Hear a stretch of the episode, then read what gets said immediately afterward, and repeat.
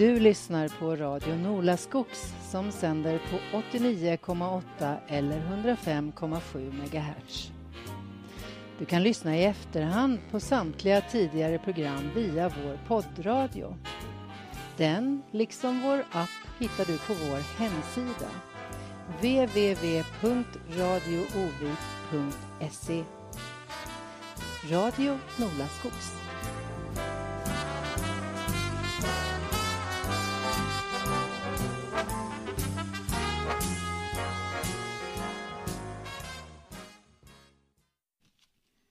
Välkommen att lyssna till Vårdpratarna i Radio Nolaskogs. Jag heter Elly Gunnarsson och med mig i studion har jag Gösta Johansson som kommer att berätta om att vara patient på barnavdelningen i Övik under 40-talet. Efter Vårdpratarna kommer klockan 10 följetongen med eh, Bo R Holmberg som läser ur sin bok Bedragarna. Besökstiden slut. Ett sjukvårdsbiträde på barnavdelningen meddelade artigt detta till de besökande. Klockan är halv tre och vi befinner oss på barnavdelningen på Öviks lasarett vintern 42-43.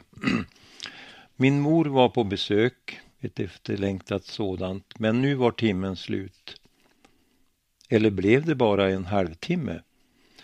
Den här perioden var även min två år äldre bror Ragnar sjuk. Han låg på Örnsköldsviks sanatorium och vårdades för sin lung-TBC. Så min mor fick dela upp besökstimmen för att hinna besöka oss båda. Mamma besökte oss var fjortonde dag. Pappa som då var skogsarbetare kom inte så ofta. Han var trött efter veckan i skogen, behövde välförtjänt vila på söndagen och skulle dessutom se över verktygen. Men alltid roligt när han kom och hälsade på.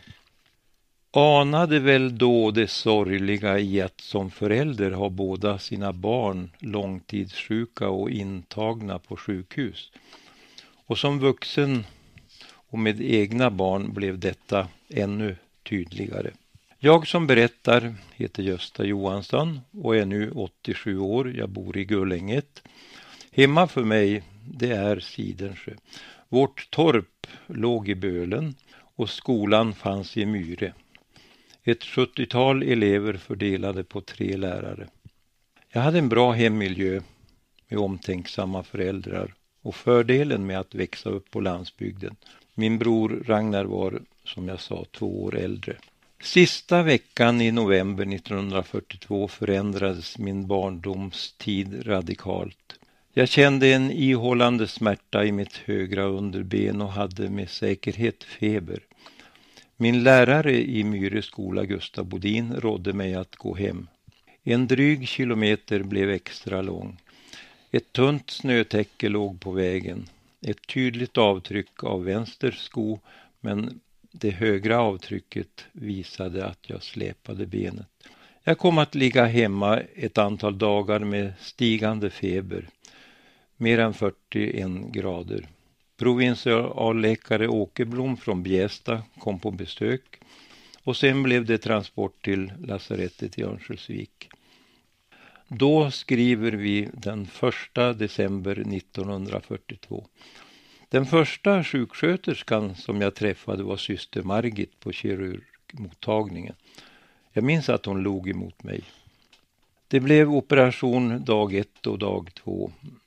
De två ingreppen var nu ungefär tre gånger sex centimeter i storlek för att dränera den omfattande varbildning som utvecklats i mitt ben. Det visade sig vara på de ställen där jag skadat mig när vi spelade bandy på skolgården. Bandyklubborna var rejäla grejer. Naturvuxna krokiga alstammar som vi snickrat till. Bollen var en plåtburk och våra ben fick sina smällar.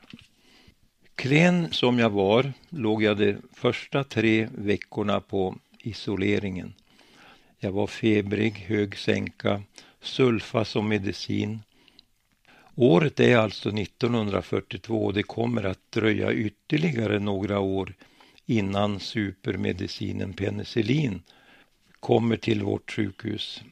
I mitt fall hade initialskedet passerats men konvalescensen hade förkortats med penicillin. Några dagar före jul fick jag flytta in på storsalen. Julafton 1942, då kom överläkaren Alf Lundgren på besök på barnavdelningen. Han var ledig under julen från det militära. Det var ju krig ute i världen. Han gav mig en julklapp, en fint inslagen bok, spännande att öppna. Brobypojkarna hette boken och den läste jag flera gånger. De större barnen hade fått julpermis, bland annat Per-Erik Fryckberg från Husum. Han hade armbrott. Han var i min ålder och de barn som blev kvar var inte så talbara. Men underbara systrar och biträden kom och pratade med mig. Dagarna före julafton kom även min faste Greta från Österkärl, Sidensjö, som hastigast in och hälsade på. Hon skulle då hem med nyfödde sonen, min kusin Herbert. Han fyller således 75 år nu i december. Storsalen som jag låg på, här var det vanligtvis åtta sängar för pojkar. Fem på sidan som vette mot nuvarande Ångermanlandsgatan och tre på motsatt sida. En liknande sal för flickor i det angränsande rummet. Dessutom ett mindre rum samt isoleringen. Den här vintern 1943 var det många barn som passerade revy. Vårdtiderna var ju längre den här tiden. En blindtarmsoperation krävde åtta dagars eftervård innan agrafferna plockades bort. Agraffer det var metallklämmor som höll ihop operationsskäret. Och det var vid ett sånt här tillfälle som doktor Bergström, som inte var norrlänning, vid en undersökning av en magpatient till slut begrep att totte, det betydde trycka på magen. Bredvid sängen så hade vi ett litet bord med två lådor. Tvål och tandborste i ena lådan och börs och block och pennor och lite utav varje godis kanske i den andra. Och på en hylla längre ned hade man kissflaskan. Vinter betyder skidåkning. Och under en period så låg tre pojkar med brutna lårben i så kallat streck. En av dessa pojkar hette Kurt Byström och hörde hemma i Billsjö Självad. Arne Nordin från Skorped hade samma problem. Jag minns när han fick besök av sin stora syster Elsa och svåger Gottfrid Söderberg. På den tiden fanns patientens namn, adress och feberkurva på sängens fotgavel. När Gottfrid kom till min säng konstaterade han Ni har 2940 på mjölkkrukan. Han körde nämligen mjölkbilen Skorped Övik. Ja, det var liksom en hälsning det också hemifrån. Arne, han fick under sin fortsatta levnad vara med om en historisk händelse genom sitt jobb. Han var med och frigjorde och flyttade Abu Simbel-templet i samband med Assuandammens byggande i Egypten. Stig Johansson från Fällkärl i Anundsjö var också en av dessa skidåkare med benbrott. Närmaste sänggranne var en bekant hemifrån, Valdemar Berglund från Österkäl. Han var några år yngre än jag. Han hade också benröta, men bakom ena örat. Huvudet ordentligt omlindat. Valdemar som bor i Sidensjö har jag fortfarande kontakt med. De övriga som jag nämnt är numera avlidna. Alla besökande föräldrar kunde inte gå in på salen. Vissa barn blev så ledsna när mamman skulle lämna dem så jag minns hur mammor istället stod och tittade i dörröppningen under besökstiden. Vad goda tankar som kommer i mitt sinne när jag tänker på personalen som fanns på barnavdelningen 1942 till 44. Glada, hjälpsamma, skämtsamma och empatiska. Syster Astrid Johansson var avdelningssköterska. Något allvarligare än syster Anna Byström. Hon kunde skoja och gärna sätta ett extra plus på tillvaron. Syster Astrid hade sin bostad på avdelning 8, barnavdelningen. Hon hade gjort sin utbildning på Akademiska sjukhuset i Uppsala så hennes huvudbonad hade ett dok. När hon fyllde år fick jag också vara med på fikat i hennes rum. Jag minns att det var dubbla dörrar mot korridoren. Sjukvårdsbiträdena, dessa till synes allestädes närvarande, började klockan sju. Tog tempen och kom med tvättvatten, bäddade och var med och serverade frukost som någon utav avdelningssköterskorna delade ut. Lilly Nordström började på barnavdelningen första vardagen i januari 43. Jag minns så tydligt när hon kom in på salen och presenterade sig. Både Lilly och Karin Bulenius kom från Vibygro. Syster Anna som kom från Docksta hade rekommenderat dem till husmor. Lilly som numera heter Larsson är 94, 94 år idag och vi träffas alltid mellanåt. Hon är lika vänlig och glad som jag minns henne från sjuktiden. Rut Jönsson kom från Malmberget och hade en härlig norrbottensdialekt. Hon ställde upp som blodgivare till mig när jag var illa däran i samband med en svår operation i mars 43. Britta de Wahl härstammade från Vibygård eller kanske Ullånger. Britt bodde i Alfredshem och ytterligare ett biträde hette Rut. Måndag morgon när det bäddade min säng utbytte det förtroligheter. Fnissade till när de blev medvetna om att små grytor har också öron. Måndag morgon då kom alltid syster Gun från labb och tog sänka och vita. Sjukvårdsbiträdena talade om att gå på timmar det vill säga fyra timmars ledighet. Det lät som en förmån, men tänk vad arbetsdagen blev lång. På samma avdelning fanns ett rum som BB disponerade.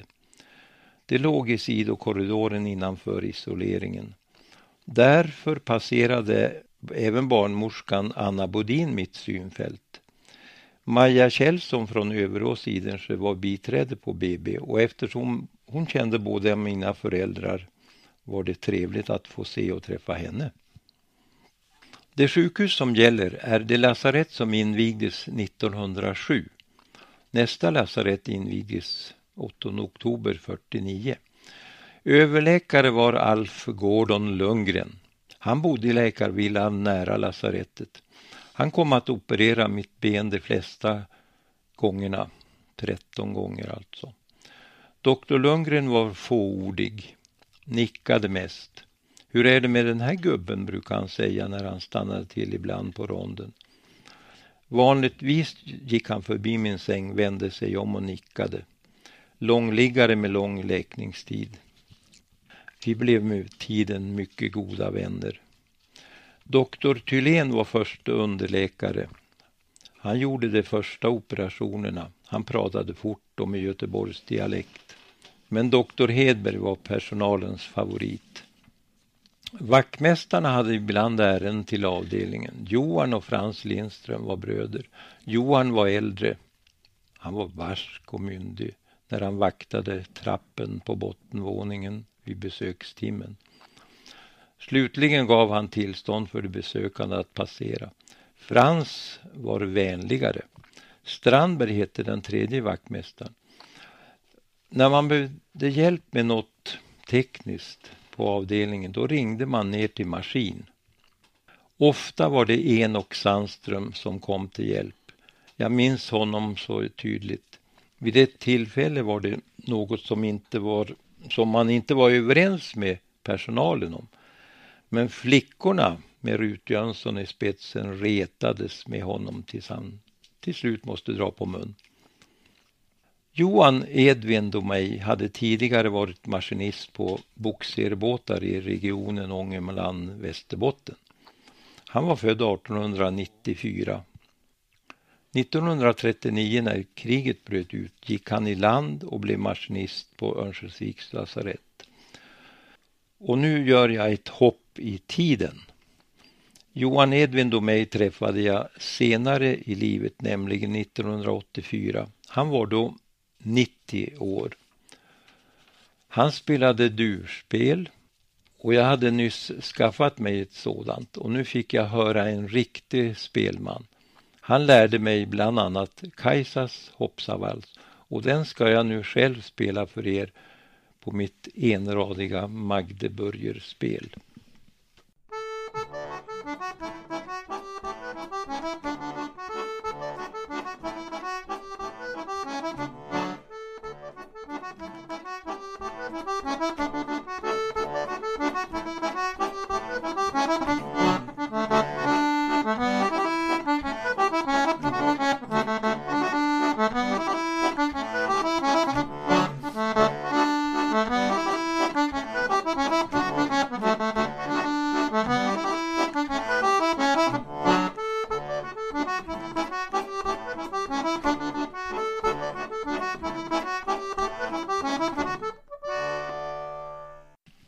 Åter till 1943 och mars månad. Nu ansåg doktor Lundgren att mitt ben var moget, som han uttryckte sig. Det blev operation i slutet av mars och vad jag gruvade mig. Syster Anna följde mig ned till operationsavdelningen. Hon tröstade mig och kramade mig länge. Det kom att bli en svår och omfattande operation med komplikationer. Noteringen i journalen var inte så märkvärdig och inskränkte sig till en mening. Urmejsling av höger underben. Det vill säga från knäled till fotled. Syster Anna som tyckte att timmarna rann iväg gick ner till operationsavdelningen. Hon berättade senare att hela läkarteamet hjälpte till med konstgjord andning och hjärtstimulans. Hjärtat hade tydligen upphört att slå. Stor blodförlust, blodtransfusion från två givare. Den ena givaren var som jag berättade Rut Jönsson som arbetade på avdelning 8. Jag vaknade upp på isoleringen, den tidens IVA eller intensiven. Min mor fanns i rummet och vakade flera nätter. Jag hade dropp och hon höll ett vakande öga på att det fungerade. På isoleringen fanns även en baby som låg i tält med vattenånga. Astmatiska besvär. Den lille, det var Gunnar Edin från Myre, min tremänning. Hans mamma Anna var där och skötte honom. Han var ju baby. Hon kollade också att mitt dropp fungerade. Senare i livet när jag träffade Anna sa hon ofta och vi tyckte det var sönnande. Efter en vecka fick jag flytta tillbaks till storsalen. Då är det påsken 1943. Nu följde några veckor med trauma traumatiska minnen. Omläggningarna, byte av kompresser. Den närmast kompressen mot benet fick vara orörd i en vecka. Omöjlig att rubba. Gråt och skrik och till slut sa doktor Lundgren, vi får ta ner honom. Jag blev sövd för denna första stora omläggning. Följande omläggningar var också mycket smärtsamma.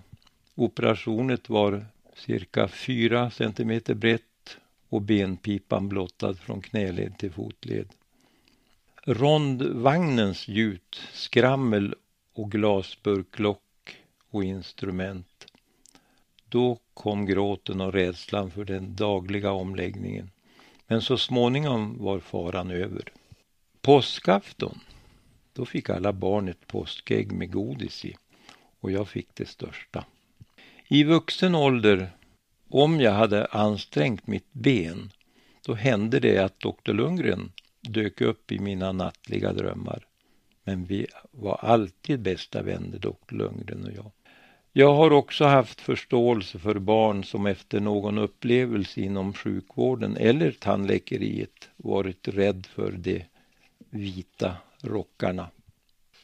Sommaren 1943. Status var inte så bra efter vinterns prövningar. Feber, hög sänka med 100 som topp. Dålig matlust och så den omfattande operationen före påsk. Doktor Lundgren tyckte att jag skulle få komma ut i solen och få frisk luft. Så när det blev varmt runt midsommartid fick jag komma ut i sjukhusparken som låg där det lasarett som invigdes 1949 låg. Varje förmiddag med vackert väder då förflyttades jag på en bår via hiss ut till parken. Två av avdelningens biträden bar ut mig, dessa änglar. När det var lunchdags, då kom de ut med lunchbrickan. Vi var två där ute. Lennart Karlsson från Domsjö. Han låg på manlig kirurg avdelning 7 hos syster Blenda. Han hade benröta i ena lårbenet. Lennart fick dagliga besök av sin mamma. Bra sommardagar för oss. Det kunde hända att det kom regn och då kom våra avdelningsänglar springande och bar in oss. Det är märkligt med eh, minnen men man kommer mest ihåg ändå trevliga minnen. Och nu är jag inne på avdelning muntrationer. Det fanns ett bibliotek som bestod av ett skåp stående nere på trappavsatsen mellan första och andra våningen. Där lånade syster Astrid Lassis äventyr åt mig.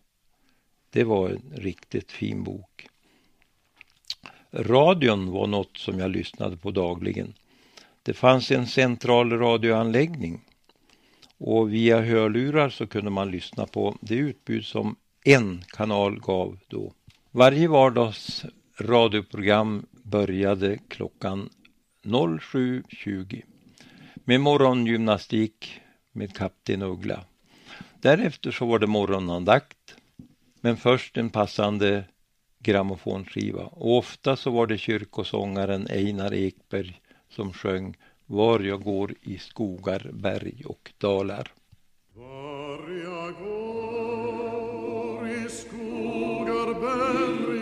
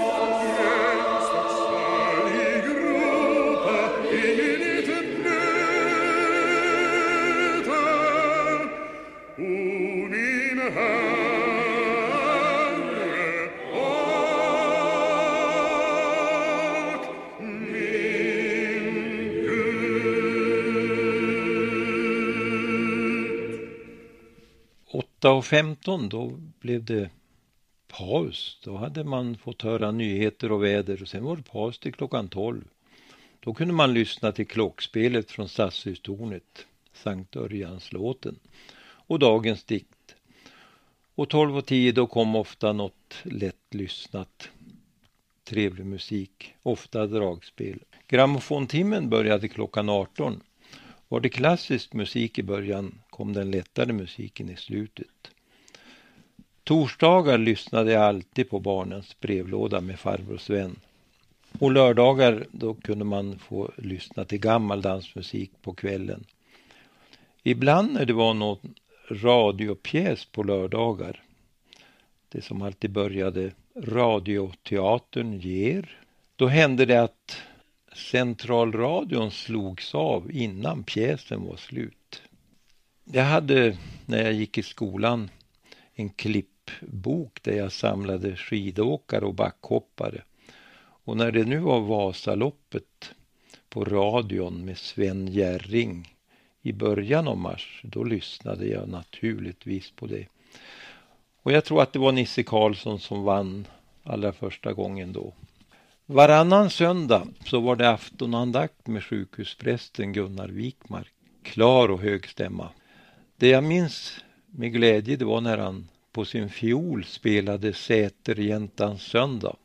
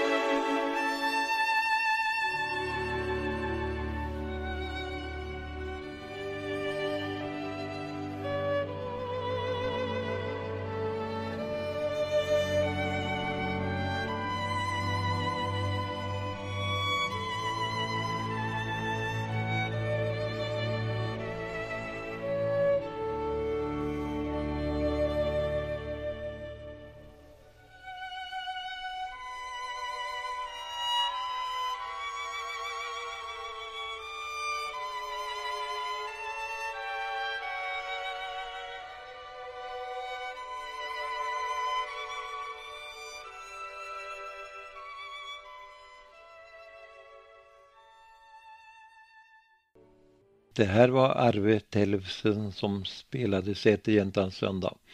De här andaktstunderna de växlade mellan våningarna. Systrar och biträden tog sig tid för min skull och skjutsade mig på bårvagn. Vid ett tillfälle var det profan musik en söndag eftermiddag. Varför jag minns detta så tydligt är att jag kommer ihåg refrängen tralalalalej och då tänker jag på dig. Senare fick jag reda att låten hette Tesslördagen av Jeremias i Tröstlösa. Troligen var det en turnerande orkester som gjorde en insats och gladde patienterna på lasarettet. Det var också första gången som jag såg ett piano. Och jag kunde inte förstå funktionen. Musiken, han behövde ju inte trampa så ofta på pedalerna.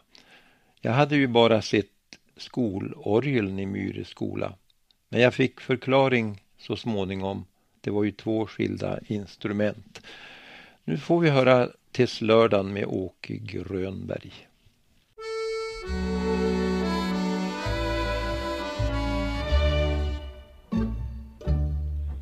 I bugande böljor går råket och vete och vågra vaggar på Krusiger sjö på Lekebergsåsen går korna i bete och skälderna pinglar och svalorna singlar i höjda när molntappar segla som snö.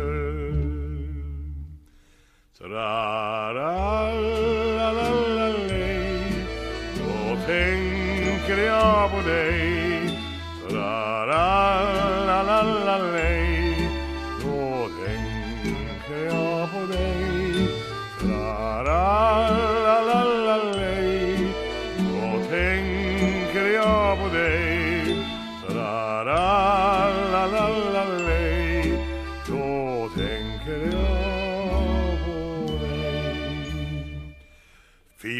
får hänga på spiken och vänta.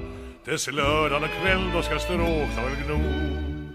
Då går jag till dans med skrattande jämta Där kvarnbäcken rusar och furorna susar.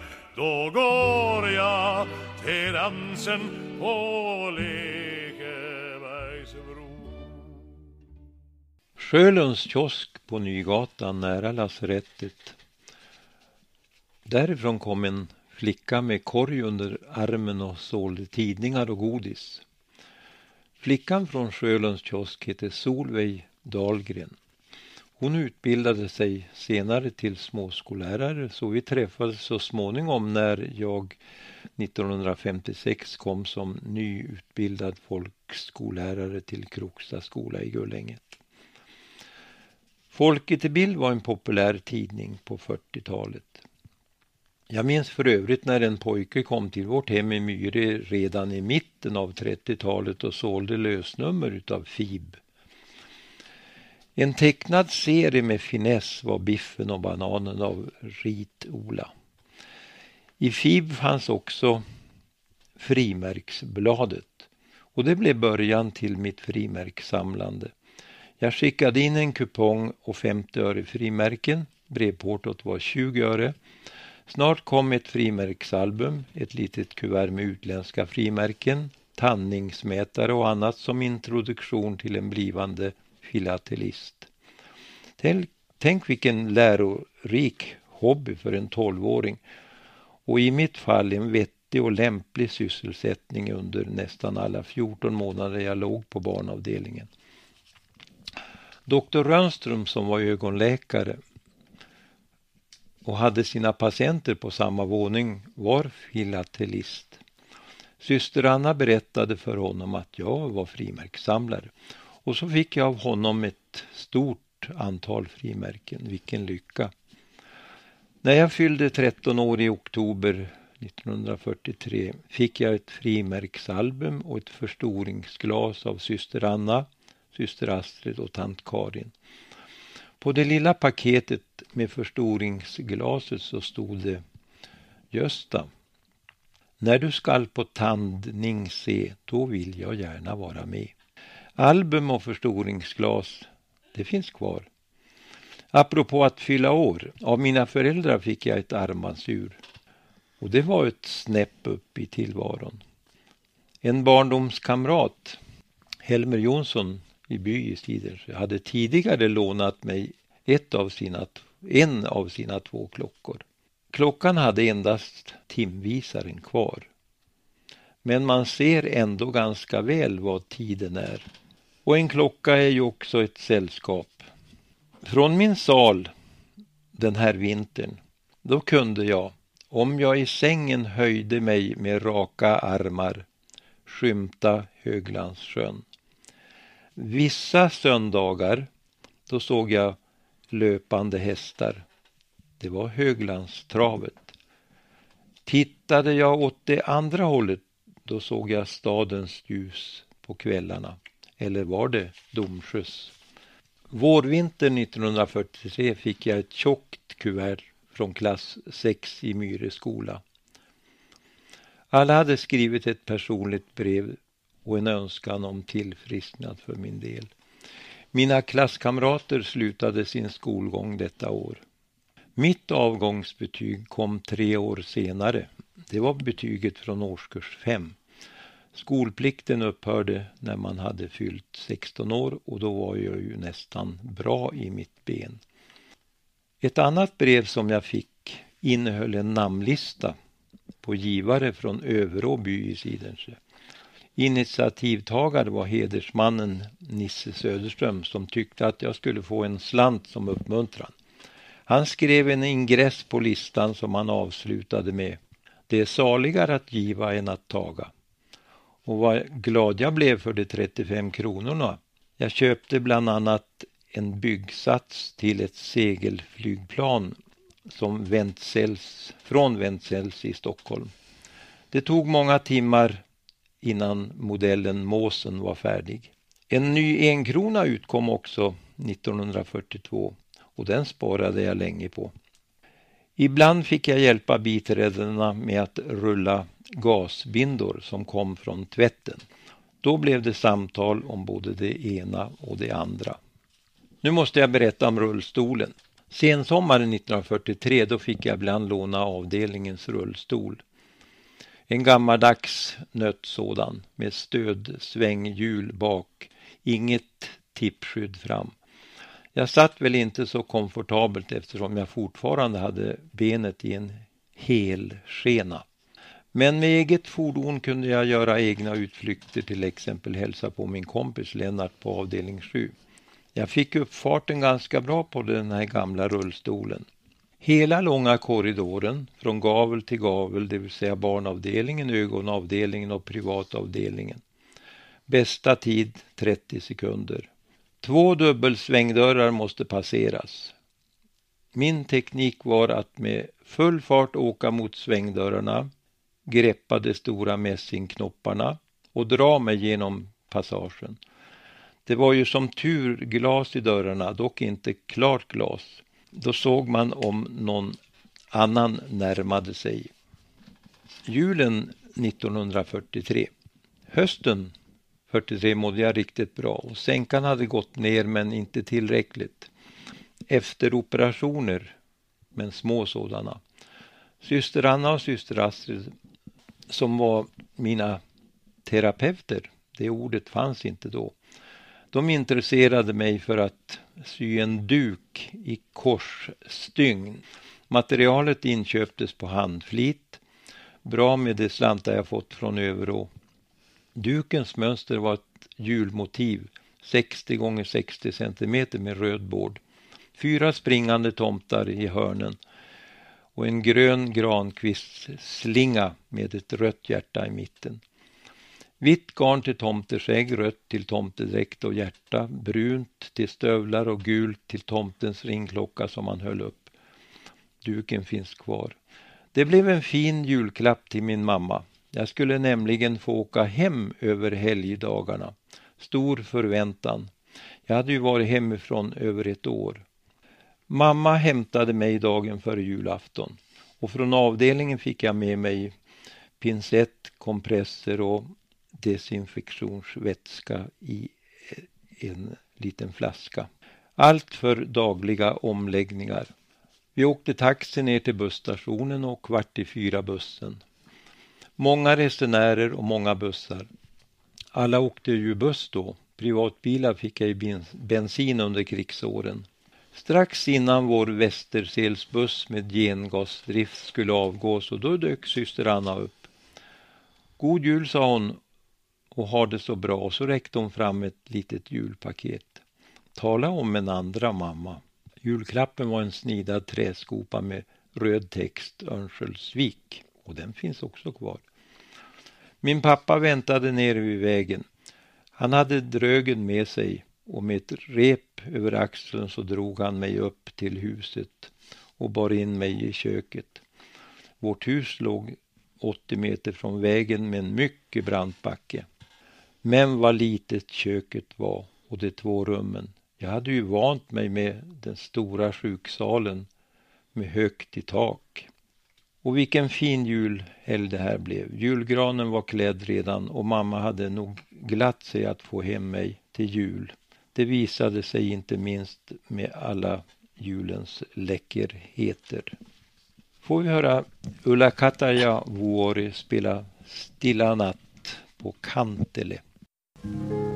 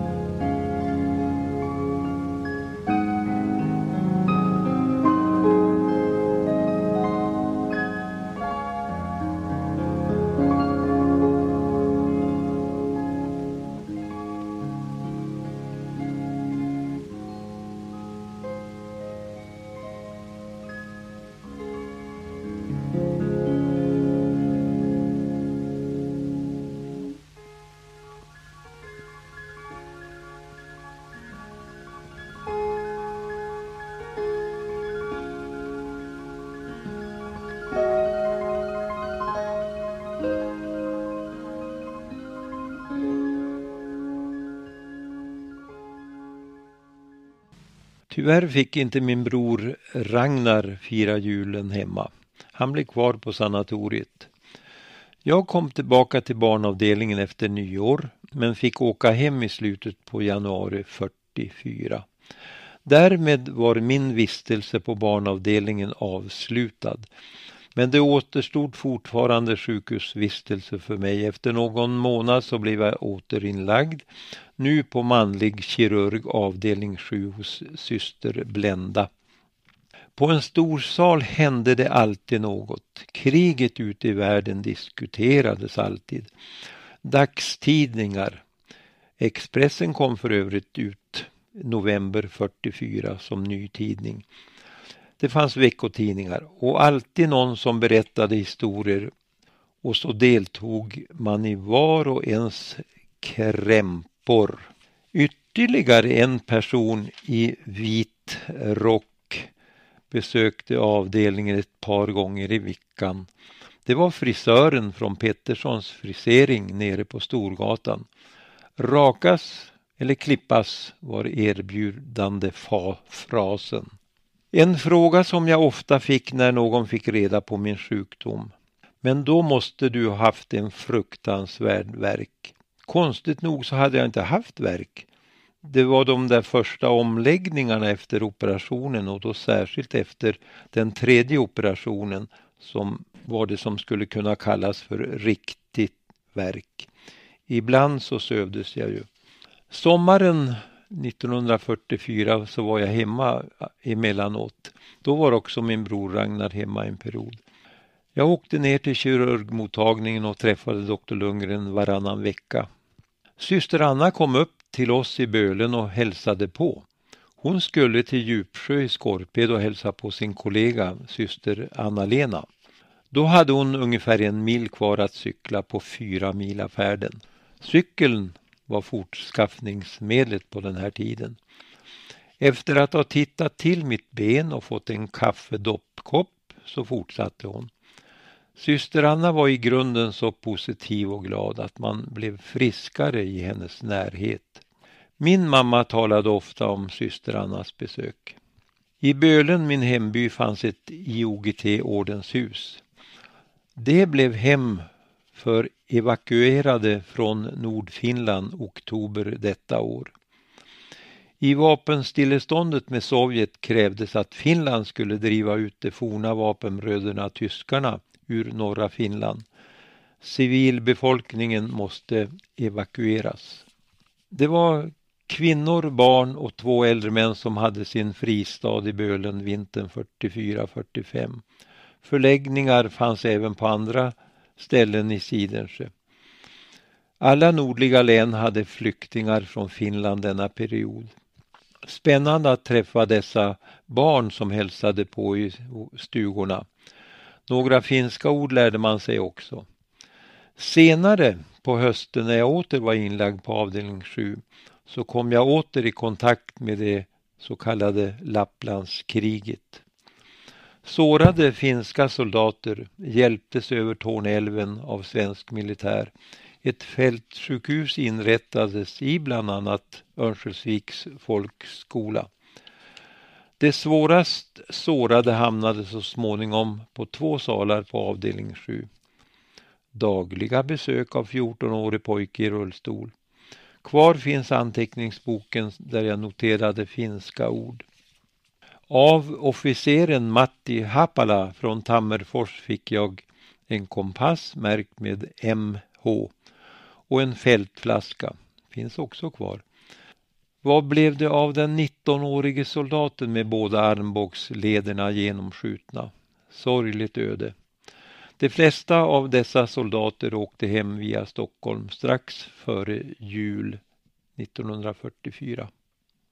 Det var en sån där dag när vi var många på salen vintern 44-45. 20 sängar, men ytterligare några sängar kom på plats. Det var avdelning 7 som tog emot kirurgpatienter den här dagen. Syster Blenda var avdelningssköterska på manlig kirurg avdelning 7. Syster Stina var avdelningssköterska på manlig kirurg avdelning 2. Närmast dörren satt en nedstämd man på sin säng. Hans namn var Jonas Håkansson från Degersjö i övre Anundsjö. Skogsarbetare som var det vanligaste arbetet vintertid på den norrländska landsbygden. Diagnos benröta i ena lårbenet. Han blev betänksam när han hörde att jag varit sjuk i två år. Vi långliggare kom att hamna efter varann till vänster när man kom in på salen. Herbert Ölen från Själevadsgatan med komplicerat benbrott. Jonas Håkansson Arnersen, Nils Nilsson Mellansel och Gösta Johansson då. Och vi hade samtliga tre benröta. Att vara helande läkare var väl inte så lätt när det gällde osteomyelit, benröta. Det undergörande läkemedlet penicillin som var verksamt mot infektioner hade inte nått svensk sjukvård. Några ampuller kom i slutet av 1945 till avdelning 7. Därför var det inte så konstigt när det var stor rond att doktor Lundgren som gick i spetsen för skaran av doktorer och syster Blenda stannade till vid säng nummer fem, sneglade bakåt åt oss fyra långliggare och sa Just det ja. Vårdavgiften på den här tiden, det var en krona och 50 öre per dag. Långliggare kunde efter ansökan få avgiften sänkt till 75 öre. En tröstande medpatient gick omkring på salen och efterhörde våra krämpor. Benröta. Det var en hemmesan som hade benröta och de operera operera och till slut döden. Den historien hade vi mycket roligt åt sen. Jag och Jonas Håkansson kom att kampera ihop en lång tid. Sommaren 1945 tog vi oss ut på gräsmattan utanför sjukhuset. Han med käpp och jag var expert på att hoppa på ett ben. Jonas fick besök av sin fru Augusta och deras två små barn Einar och lilla syster Elsa. Sommaren 1945 då var det cirkus i stan. Cirkus Altenburg. Jonas och jag fick lov av syster Blenda att få besöka den. Våra civila kläder hämtades från förrådet. Vi tog bil ner till cirkusplatsen och vilket äventyr! Cirkus! Hem, det vill säga till sjuan, tog vi oss med varsin käpp som stöd. Mycket mer finns att berätta om tiden på avdelning 7. Men fokus har gällt tiden på barnavdelningen. Jag frick frisknade till så småningom och när jag var 18 år började jag på Hampnäs folkhögskola. Två år. Jag blev frikallad från exercisen. Tenterade till folkskoleseminariet och tog examen 1956. Samma år fick jag tjänst i Kroksta, Gullänget och Ängetskolan när den var färdig 1963. Jag har trivts med mitt arbete och min fina, fina familj har varit det viktigaste i vuxenlivet. Det här uppdraget att berätta om hur det var att vara patient på barnavdelningen på Örnsköldsviks lasarett från slutet av 1942 fram till dess jag blev utskriven från kirurgavdelning 7 1946. Två och ett halvt år effektiv tid på sjukhuset. Det uppdraget fick jag av Medicinhistoriska föreningen via Ingmarie Nilsson den 4 maj i år. Ingmarie, hon efterträder Gertrud Lindroth på skrivcentralen hos doktor Lundgren. Gertrud var doktor Lundgrens sekreterare, för övrigt den första på sjukhuset. Denna dag, alltså den 4 maj, när jag hade talat med Ingmarie Nilsson, då skulle vi i gruppen Drängkammarmusik musicera på äldreboendet här i Gullänget, Sörängets servicehus. Jag besökte som hastigast PMUs loppis i Gullänget. Vid entrén träffade jag Anna-Lena och Ulrika, döttrar till syster Anna på barnavdelningen som jag, som jag berättat om tidigare. Väl uppe på Söränget spelade vi och sjöng för de äldre. Mycket tacksamt att få göra det. Vid fikat efteråt Då kom en kvinna i rullstol fram till mig och frågade om jag kände igen henne. Ja, men såklart jag gjorde det. Det var ju Britta, en av två baderskor. Hon började troligtvis på badavdelningen 1943. Tidigare fanns Anna där. Anna i badet och Britta i badet. Britta är nu 99 år, född 1918. Vilken slump! Dels att få prata om eh, Gertrud Lindroth, träffade syster Annas döttrar och så nu då Britta i badet. Tre träffar från förr i världen på några timmar. Tänk vad man får reda på mycket nu för tiden, även när man äter sin grötfrukost. På Norrmejeriers mjölkförpackning så läser jag Norrmejerier stödjer Hus för norrländska hjältar. Det finns många, och så står det vidare så här, det finns många som gör bra saker här i Norrland. Ett av de projekt vi vill hjälpa till är att lyfta fram är Hjältarnas hus som nu står klart för norrländska barn och deras familjer. Avstånden i Norrland är stora och när ett barn blir sjuk kan familjer periodvis splittras och sakna en naturlig plats att vara tillsammans på. Hjältarnas hus är ett hem för svårt sjuka barn som vårdas vid Norrlands universitetssjukhus och deras familjer. Avsikten med projektet är deras sjukhusvistelse ska bli så trygg och positiv upplevelse som möjligt. Därmed så är jag tillbaka där jag började, besökstidens slut. Det här om hjältarnas hus är inte riktigt jämförbart med min sjukdomstid men positivt för de cancersjuka barnen. Nu har jag berättat om tiden när jag var patient på Öviks lasarett under 40-talet, 75 år efteråt. Jag heter Gösta Johansson och är nu 87 år med tacksamhet. En spelkompis sedan många år är Karl-Ivar Pettersson, mera känd som Kärnmyrbergaren, boende i Hoting. En lämplig och sammanfattande avslutning på mitt program blir Änglarna, var finns de? Jo, på våra lasarett med Kärnmyrbergaren. Tack till dig som lyssnat och ha en fin advent.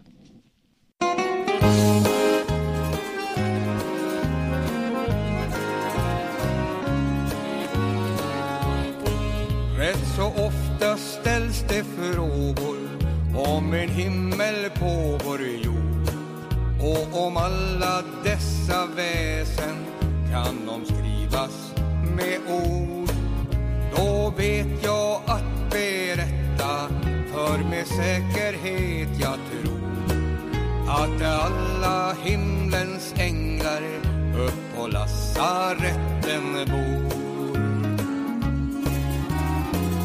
Änglarna, var det finns de? Jo, på våra lasarett. De håller dig i handen när du badar i din svett. De sitter vid din sida och de viskar var ej rädd. För du vet när natten skymmer skall vi vakna vid din bädd. I mitt barndomshem på väggen fanns en tavla i en ram där en ängels vita vingar ger ett häng åt två små barn. Jag har undrat genom åren lever dessa änglar kvar? Och se nu på äldre dagar har jag funnit detta svar. Änglarna, var det finns de? Jo, på våra lasarett. De håller dig i handen när du badar i din svett.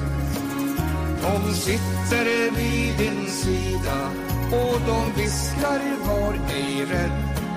För du vet när natten skymmer skall vi vaka vid din bädd. Här nere på himlajorden lever även mörkrets män. Sitter frossande kring borden och de styr med penningen. Men vad hjälper deras fallskärm när de trasslat alla band? Då behövs det änglavingar och en liten utsträckt hand. Änglarna, var finns de?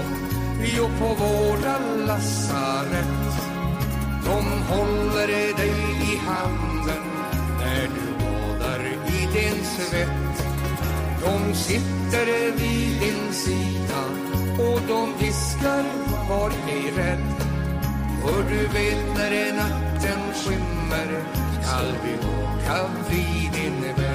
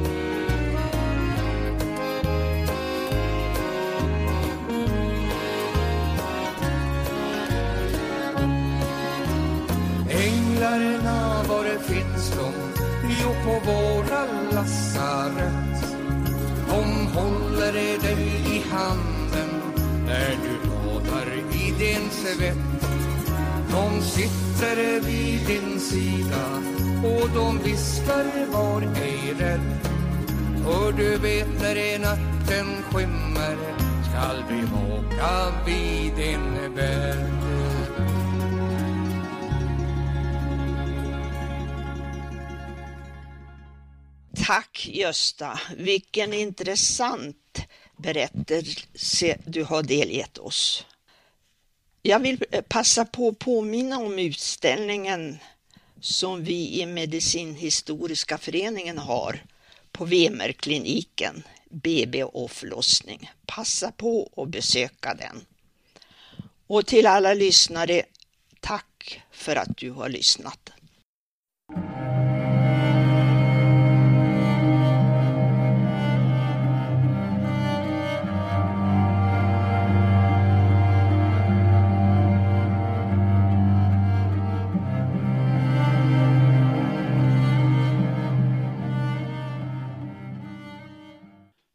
Bedragarna Resumé Klara attackeras av Hillevi, men klarar sig tack vare sin bror Karl.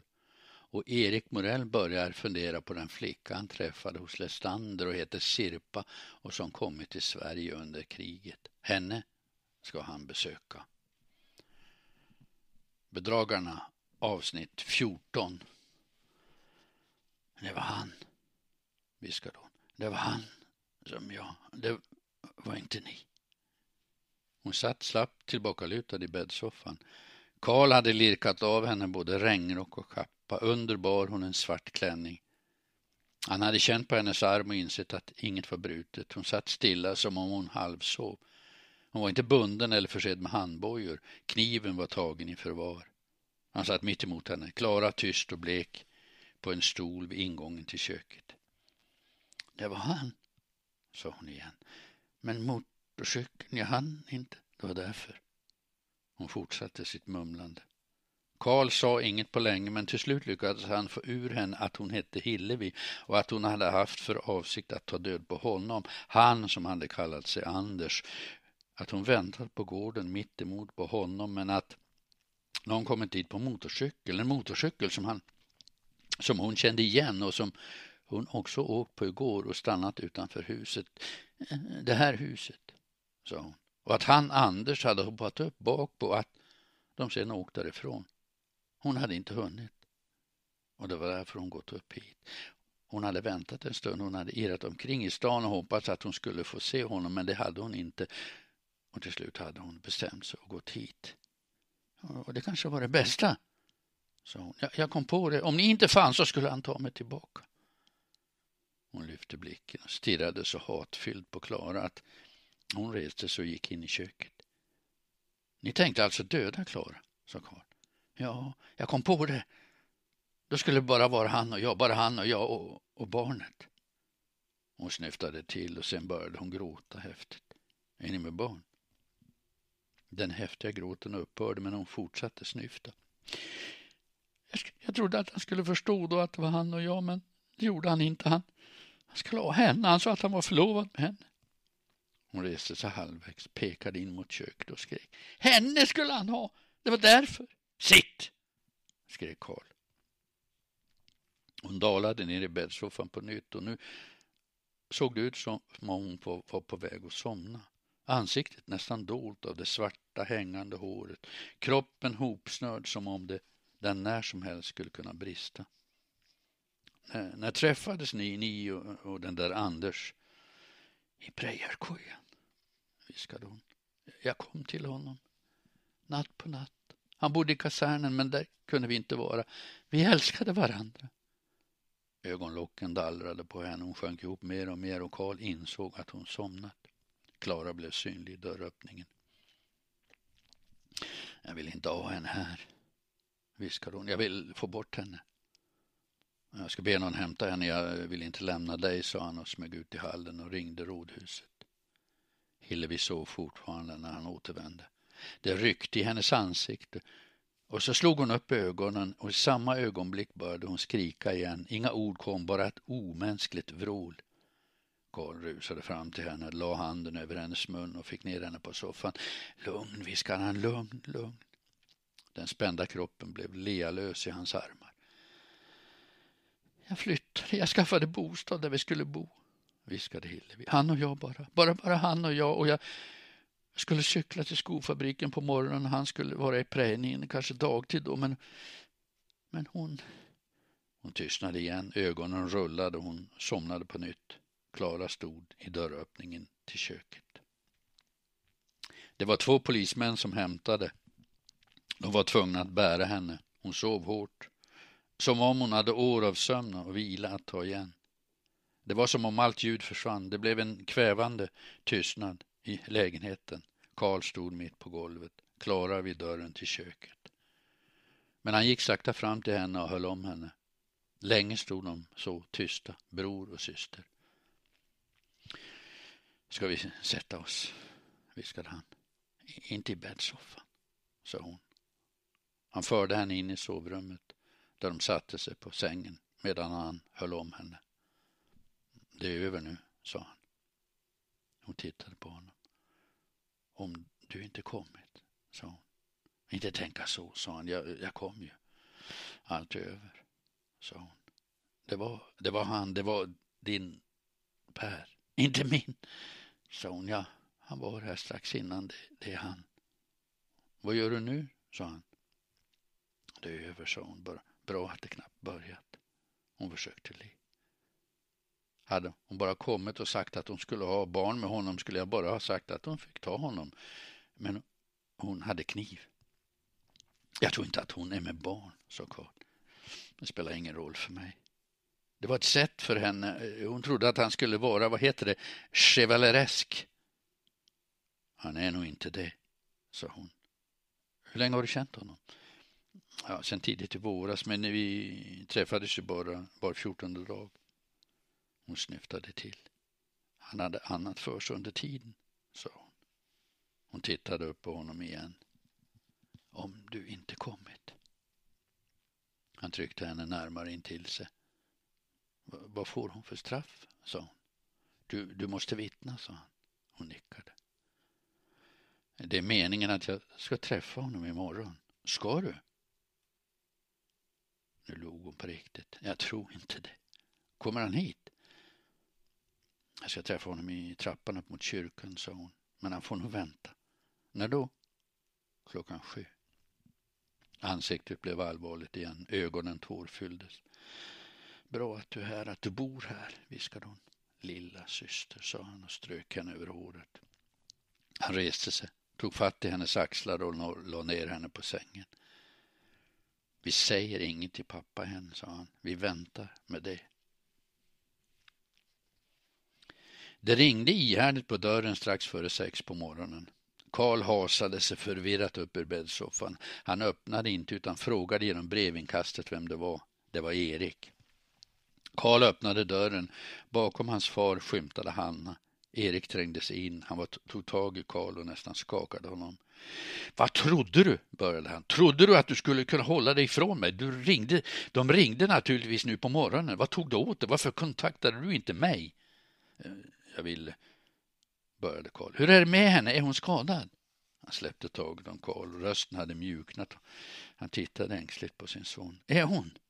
Nej, nej, inte skadad alls. Hon, hon har sovit, så Karl. Det, det, var omtumlande, men vi, vi pratade igår och hon blev lugn. Hon sover än. Vi låter henne sova. Vad hände egentligen? Vem var det? Sätt det, sa Karl. Eh, jag tänkte Hanna skulle stanna hos henne idag, sa Erik. Vi måste ju ändå... Han vände sig om. Hanna hade hängt upp sin kappa och gick nu fram till Karl och tog hans hand. Jag ser efter henne, sa hon. Karl hade redogjort för vad som hänt, berättat om henne som hette Hillevi och som påstått att hon väntade barn och att fadern var den man som Klara sällskapade med. Attacken med kniv hade han skildrat lite nedtonat och hur han kommit i rätt tid och avväpnat kvinnan. Hon är inte frisk, sa hon. Galen. Eller vad är det man säger här? Inte fullt ut, sa Erik. Ja, just det. Trovärdig. Att hon haft ihop det med Per är nog utom allt tvivel, även om han kallade sig Anders. Klara säger att han heter Per Anders. Han är inget att ha alltså. Hans ansikte uttryckte en sån förtvivlan att Karl la sin hand på hans axel. Det är över. Hon ska inte ha något mer med honom att göra. Hur tar hon det? Allting läker, sa Karl, men det tar säkert tid. Svek tär på en. Men, men tänk om, sa Erik. Jag var där, sa Karl. Jag kom i tid. Hon mår bra då. Det är inget fel på henne. Karl hade aldrig sett sin far så förtvivlad, så orolig, så osäker, så förvirrad. Ett klippblock som höll på att rämna, tänkte han. Han la händerna på hans axlar. Det är inget fel på henne, sa han. Inte fysiskt, inte alls. Men som jag sa, det kan ta tid. Hon trodde ju på Per. Han har svikit henne grovt. Erik nickade.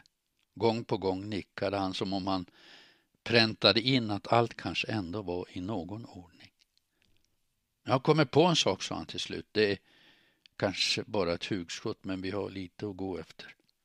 Han tittade förvirrat på Karl. Det, det gäller mordet alltså. Kan, kan vi verkligen gå? Hanna är ju här. Men först jag skulle vilja se henne ändå.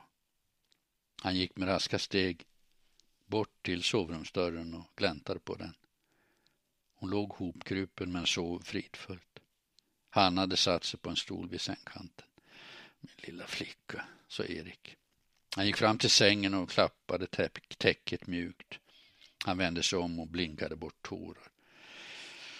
Ska vi gå då, sa han. Jag tänkte vi skulle söka upp Sirpa först och sen Lestander. Vad hette han hon bor hos nu? Bengtsson var det väl, om hon är kvar där. Bengtsson var inte hemma, eh, men hustrun, de små barnen och Antti, som var propert klädd den här gången i ett par kortbyxor och en gul blus. Han satt på en pall och drog en vev runt på en speldosa som gav ifrån sig en sorgsen melodi, men han slutade tvärt och la ifrån sig speldosan när polismännen kom in i köket. Uh, han är på Hägglunds, hans, om ni ska ha tag i han, var det första hustrun sa. Hon var prydligheten själv. Ett välkammat sangréfärgat hår, en bländande vit blus, svart kjol och pumps. Barnen utstrålade också ordning och reda och kom fram och bockade och neg för de främmande. Nej, det, det är Sirpa vi söker, sa Erik. Är hon här? En isande vindil av rädsla kröp genom honom att hon gett sig av att något hänt henne. Eh, hon, hon är i Blåbärskogen med Ulla. Men hon bor här? Ja, än så länge, sa kvinnan. Förlåt, sa Erik, vi glömde presentera oss. Erik Morell och min son Karl. Jag vet vilka ni är, sa hon. Linnea Bengtsson heter jag. Ulla, sa Karl. Älvsdottern, sa Linnea. Vet ni när de kommer hem? sa Karl. Ja, hon sa vid tolv, sa Linnea. Vi får återkomma då, sa Erik. De cyklade genom byn, förbi alla mindre hus, förbi de ståtliga bondgårdar som ägdes av Kurt Hildingsson och Alfons Nilsson och ända till byns slut och den smala vägen upp till Lestanders gård. De hade flera timmar att slå hål på. Spilltid som chauffören Emanuel Svedberg skulle ha sagt. Erik uppfylld av tankar, inte på utredningen utan på dottern.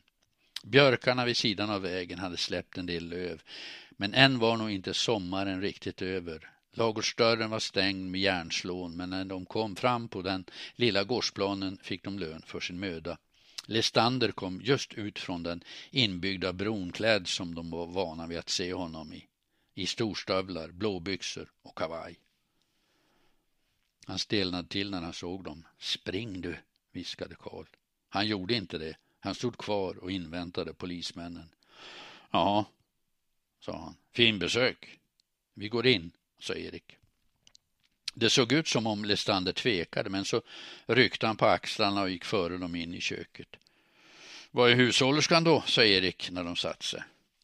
På bordet en tallrik gröt, ett mjölkglas och en assiett med en stor smörklump. Lestander stod kvar vid vedspisen. Hon har slutat. Var det för slitsamt? undrade Erik. De slutar efter ett tag. Varför då? sa Erik. Inte vet jag. De passar kanske inte för lantlivet. Eller sängen, sa Erik. De flesta ger sig väl av när de inser att de ska vara säng, sängsällskap åt dig. Nämen, hör hörni, sa Lestander. Erik reste sig och gick fram till honom. Nej men hör du, jag vet vad ni kom överens om du och Bolin att dela på henne på Sirpa. Du är ett äckel och ett avskum. Han stod som ett hotande berg över den lille Lestander som hastigt backat några steg och drog med handen genom håret och la till benen. Jag har inte gjort något olagligt, fick han fram. Nej, kanske inte det, men du är en skitstövel, ett kräk, en knöl, en...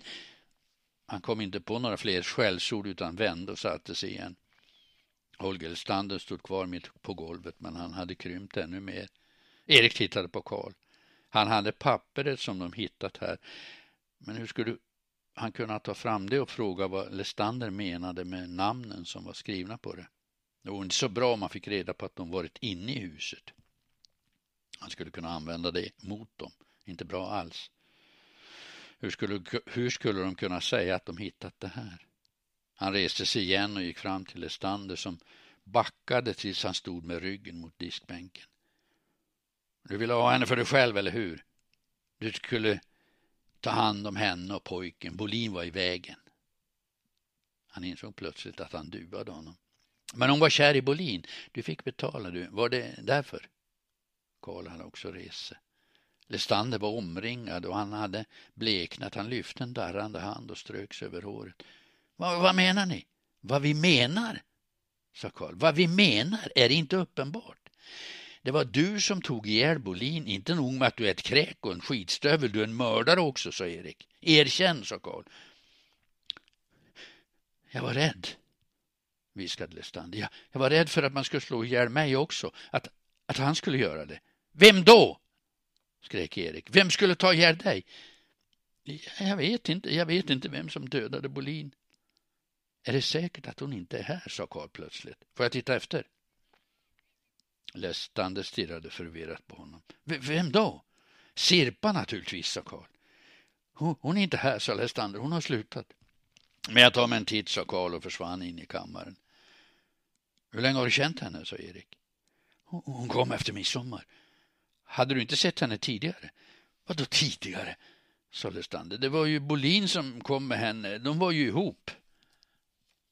När hon var barn, när hon kom från Finland under kriget, kände du henne då? Inte var hon väl här då, vad jag vet. Innan hon kom till Örnsköldsvik, innan hon träffade Bolin, vad var hon då? Vad, vet du det? Hon sa Kramfors en gång.